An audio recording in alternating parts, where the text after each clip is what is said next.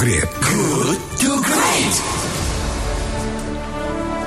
Terima kasih sahabat Kelat Anda masih bersama saya Joel Syafi'i di topik diskusi Kelat FM yang kita pagi ini membahas tema tentang presidensial threshold ya. Haruskah ambang batas presiden ambang batas ini tetap dipertahankan atau dihilangkan demi kemajuan negara? Dan kita akan berdiskusi dengan narasumber yang berikutnya yaitu Profesor Susi Dwi Haryanti, SHLLM PhD. Beliau adalah Kepala Departemen Hukum Tata Negara Fakultas Hukum Universitas Pajajaran Bandung.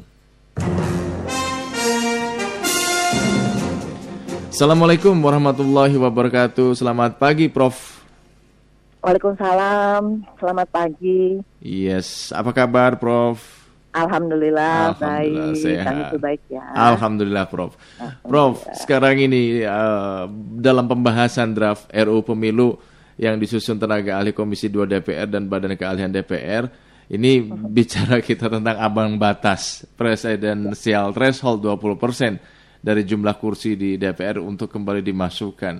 Bagaimana Anda melihat ini, Prof? Uh, baik, terima kasih Kang Ijul. Selamat pagi sahabatnya lain. Uh, sebelum saya menjawab pertanyaan itu, Iya. saya ingin terlebih dahulu uh, menjelaskan bagaimana hubungan antara uh, jabatan kepresidenan dalam hal ini presiden dengan uh, bentuk pemerintahan. Jadi uh, jabatan presiden itu sering kali dikaitkan dengan bentuk pemerintahan republik gitu ya, Hmm. yang dia dihadapkan dengan bentuk pemerintahan uh, kerajaan. Hmm. Kalau di dalam bentuk uh, pemerintahan uh, republik, maka uh, pada dasarnya gitu ya, uh, uh, lembaga kepresidenan itu uh, selalu dikaitkan dengan uh, kepentingan umum, kepentingan uh, rakyat gitu ya. Iya. Jadi uh, pertama saya ingatkan bahwa lembaga kepresidenan dalam penyelenggaraan negara itu berkaitan dengan bentuk pemerintahan uh, republik. gitu. Oke. Nah, eh, mengapa dia eh, perlu, perlu disandingkan dengan pemerint- bentuk pemerintahan republik? Karena eh, sebagaimana kita ketahui bahwa asal kata republik itu adalah res publica, jadi kembali ke eh, publik, kembali kepada eh, rakyat. Rakyat ya. Oleh karena itu, eh, presiden sebagai salah satu jabatan yang ada di dalam eh, negara, maka dia harus eh, berkaitan dengan kepentingan publik, kepentingan eh, rakyat. Hmm. Nah, kemudian yang kedua juga kita harus mengetahui bahwa jabatan presiden itu akan dikaitkan dengan demokrasi sebagai salah satu nilai eh, di dalam eh, penyelenggaraan negara. Hmm. Dan di dalam eh, demokrasi maka sebaiknya itu banyak alternatif, banyak pilihan gitu ya. Nah, kalau kemudian dikaitkan dengan eh, threshold yaitu ambang batas, maka pertanyaan kita adalah apakah dengan ambang batas tersebut rakyat memiliki banyak pilihan untuk menentukan siapa yang akan memimpin negaranya. Hmm. Eh, kita tahu pemilihan umum tahun 2014, kemudian juga terutama yang eh, baru berlalu kemarin, Iya. eh, di mana calonnya hanya dua dengan threshold itu. Hmm, hmm, Oleh karena itu rakyat dihadapkan pada pilihan yang tidak terlalu banyak. hmm. Jadi hanya memilih satu di antara dua itu, dan itu menurut saya tidak sehat bagi demokrasi. Hmm. Jadi di dalam sebuah negara yang demokrasi, rakyat itu haruslah dihadapkan pada pilihan-pilihan yang relatif memadai. Jadi dengan dua dengan dua calon itu tidak memadai kalau Hmm. menurut saya. Iya, gitu. iya. Jadi itu yang kita khawatirkan dengan Hmm. adanya threshold. Hmm. Kemudian yang ketiga dikaitkan dengan uh, uh, pemilihan umum. Kita mengenal sekarang ada pemilu serentak, Iya. gitu kan. Iya. Kalau dulu kan dipisah tuh pilpres dengan pileg, gitu gitu ya. Kalau sekarang kan pilpres dan pilegnya digabungkan Iya. gitu. Jadi kalau uh, dulu itu pileg diadakan terlebih dahulu, baru kemudian pilpres. Pilpres. Kalau sekarang, kalau dengan menggunakan threshold, dia akan menggunakan threshold yang mana? Hmm. Apakah threshold pada pemilihan yang lalu, sebagaimana yang uh, terjadi di pemilihan kita yang terakhir kemarin Iya, menggunakannya threshold pada pemilihan 2014 itu kan tidak dapat diterima. Padahal itu Kan serentak ya. Iya, padahal itu serentak. Ini kan pemilihan uh, serentak gitu hmm. ya. Nah, jadi threshold yang digunakan pada saat kita melakukan pemilihan serentak itu adalah threshold yang digunakan pada pemilu tahun 2014 gitu. Hmm. Yang konstelasi politiknya sudah berubah sama sekali. Gitu. Hmm. Jadi uh, ketika uh, RUU pemilu ini akan menggunakan threshold juga untuk uh, pemilihan presiden, maka argumentasinya untuk apalagi threshold itu hmm. kalau ada pemilihan uh, serentak. Hmm. Itu, Mas. Nah, dari pihak yang menentang uh, penerapan ambang batas uh, atau presidensial threshold ini dianggap bertentangan dengan pasal 6 A ayat 2 Undang-Undang Dasar 45 sebagai konsekuensi logis penyelenggaraan pemilu serentak legislatif dan presiden. Nah, lalu Prof, sejauh yang Anda tahu ini Prof, apa sebetulnya Prof argumen dari pihak yang kekeh ingin menerapkan uh, presidensial threshold ini, Prof?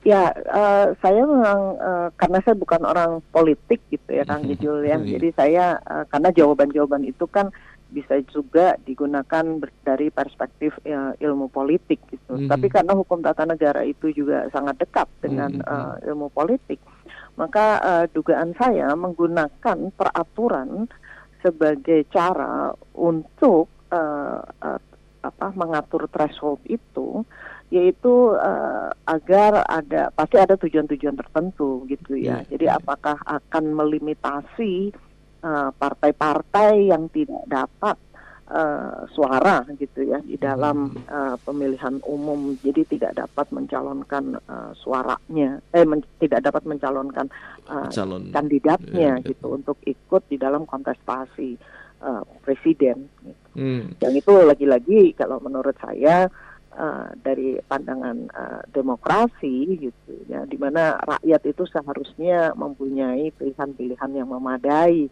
hmm. jadi rakyat itu akan di uh, apa uh, uh, di diajari begitu ya untuk menilai bahwa dia akan memilih kandidat tertentu itu tidak lagi berdasarkan uh, uh, uang kemudian tidak berdasarkan janji-janji yang muluk-muluk yeah, tetapi yeah. betul-betul berdasarkan program yeah, iya, gitu. yeah, yeah. Jadi mm -hmm. ada pendidikan buat rakyat juga mm -hmm. ketika rakyat itu dihadapkan pada calon-calon uh, uh, yang uh, memadai. Mm. Gitu. Jadi An dugaan saya begitu uh. gitu ya. Jadi dihadap dan dan kalau misalkan calonnya jumlah calonnya pasangan calonnya itu tidak memadai, hmm. saya khawatir terjadi seperti pemilu yang lalu di mana dua calon ini dua pasangan calon ini berhadap-hadapan secara diametral hmm. gitu ya. Hmm. Jadi secara berhadap-hadapan gitu. Yang ini bisa akan membawa uh, bangsa ini menjadi bangsa yang terbelah Mm-hmm. Dan ini tidak kita inginkan. Kalau kalau anda sendiri pendapat tidak, Prof, uh, ambang batas ketika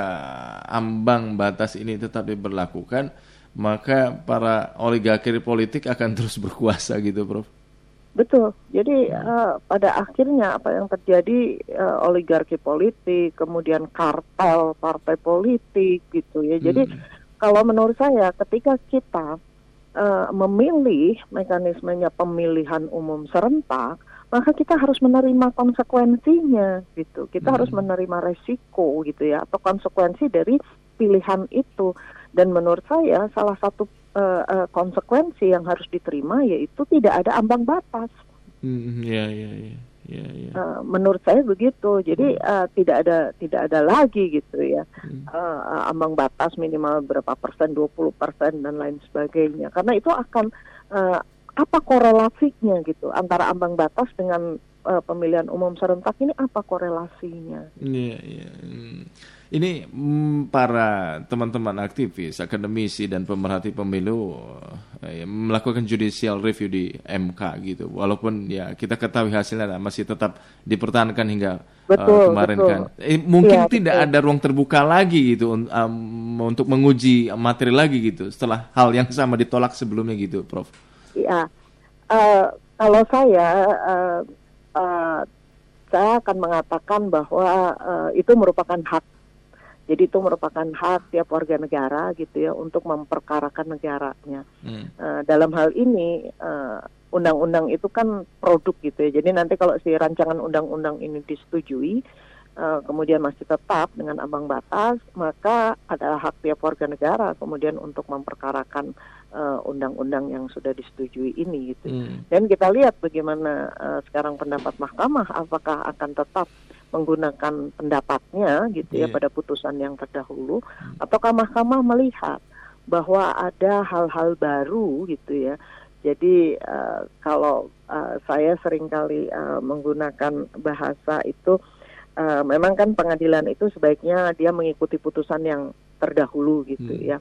Tetapi kalau ada hal-hal yang secara nyata memang memaksa gitu ya mahkamah untuk berubah pendapat, mengubah putusannya gitu ya di Hmm. dalam putusannya dengan tidak mengikuti itu menjadi wajar-wajar saja kalau menurut saya. Hmm. Misalnya apa? Misalnya mahkamah eh, nanti kita lihat apakah eh, hakim-hakim konstitusi dapat belajar tidak dari pengalaman eh, pemilihan umum yang lalu Hmm. di mana dengan menggunakan threshold kemudian hanya ada dua ada hanya ada dua calon yang itu mengakibatkan eh, eh, bangsa ini seakan-akan terbelah gitu dan Iya, kita sampai iya. sekarang itu masih Hmm. masih ada gitu kita masih terasa gitu Hmm. ya nah itu kan hal-hal yang harusnya dapat dilihat secara jeli Hmm. oleh hakim konstitusi apa Hmm. akibat dari dari pe- penggunaan threshold itu Hmm. bahwa kemudian nanti dikatakan bahwa lo thresholdnya itu tidak bertentangan dengan undang-undang dasar tetapi Iya. ini eh, implikasinya kan mahkamah tidak menguji tidak menguji implikasi hanya menguji Hmm. norma Iya. undang-undang terhadap undang-undang dasar ya betul memang eh, mahkamah tidak menguji eh, implikasi, tetapi kan mahkamah dapat menggunakan kejadian-kejadian fakta-fakta yang terjadi sebagai implikasi dari pelaksanaan satu eh, undang-undang untuk dijadikan sebagai sumber hukum bagi dia Hmm. Hmm. untuk melakukan uh, uh, pem- untuk melakukan pemeriksaan terhadap pengujian yang kemudian berakhir pada pemberian putusan. Jadi saya pikir fakta-fakta yang terjadi kemudian um, uh, uh, itu itu dapat digunakan sebagai sumber hukum gitu. Ya. hanya Jadi- saja sekarang tidak mau digunakan itu ya. Prof, Nah, itu, itu itu kan sangat tergantung kepada hakim ya, Mas Iya, ya. iya, iya, iya. Uh, sekarang tergantung bagaimana uh, paradigma hakim konstitusi uh, dalam memandang apa yang disebut atau uh, menggunakan apa yang disebut sebagai sumber hukum bagi dia. Hmm. Jadi bukan hanya sekedar uh, semata-mata menggunakan sumber hukum dalam arti formil gitu ya, Iya. yaitu undang-undang gitu ya Hmm. kemudian uh, uh, jurisprudensi, kemudian kebiasaan ketatanegaraan, kemudian juga uh, doktrin, tetapi juga sumber-sumber hukum uh, material gitu. Jadi Hmm. misalkan seperti social trend gitu ya, jadi Iya, iya. tren yang terjadi di Masyarakat. masyarakat. Sampai sejauh mana uh, hakim-hakim konstitusi kita mengikatkan dirinya pada sumber-sumber hukum material tersebut. Iya, iya, baik.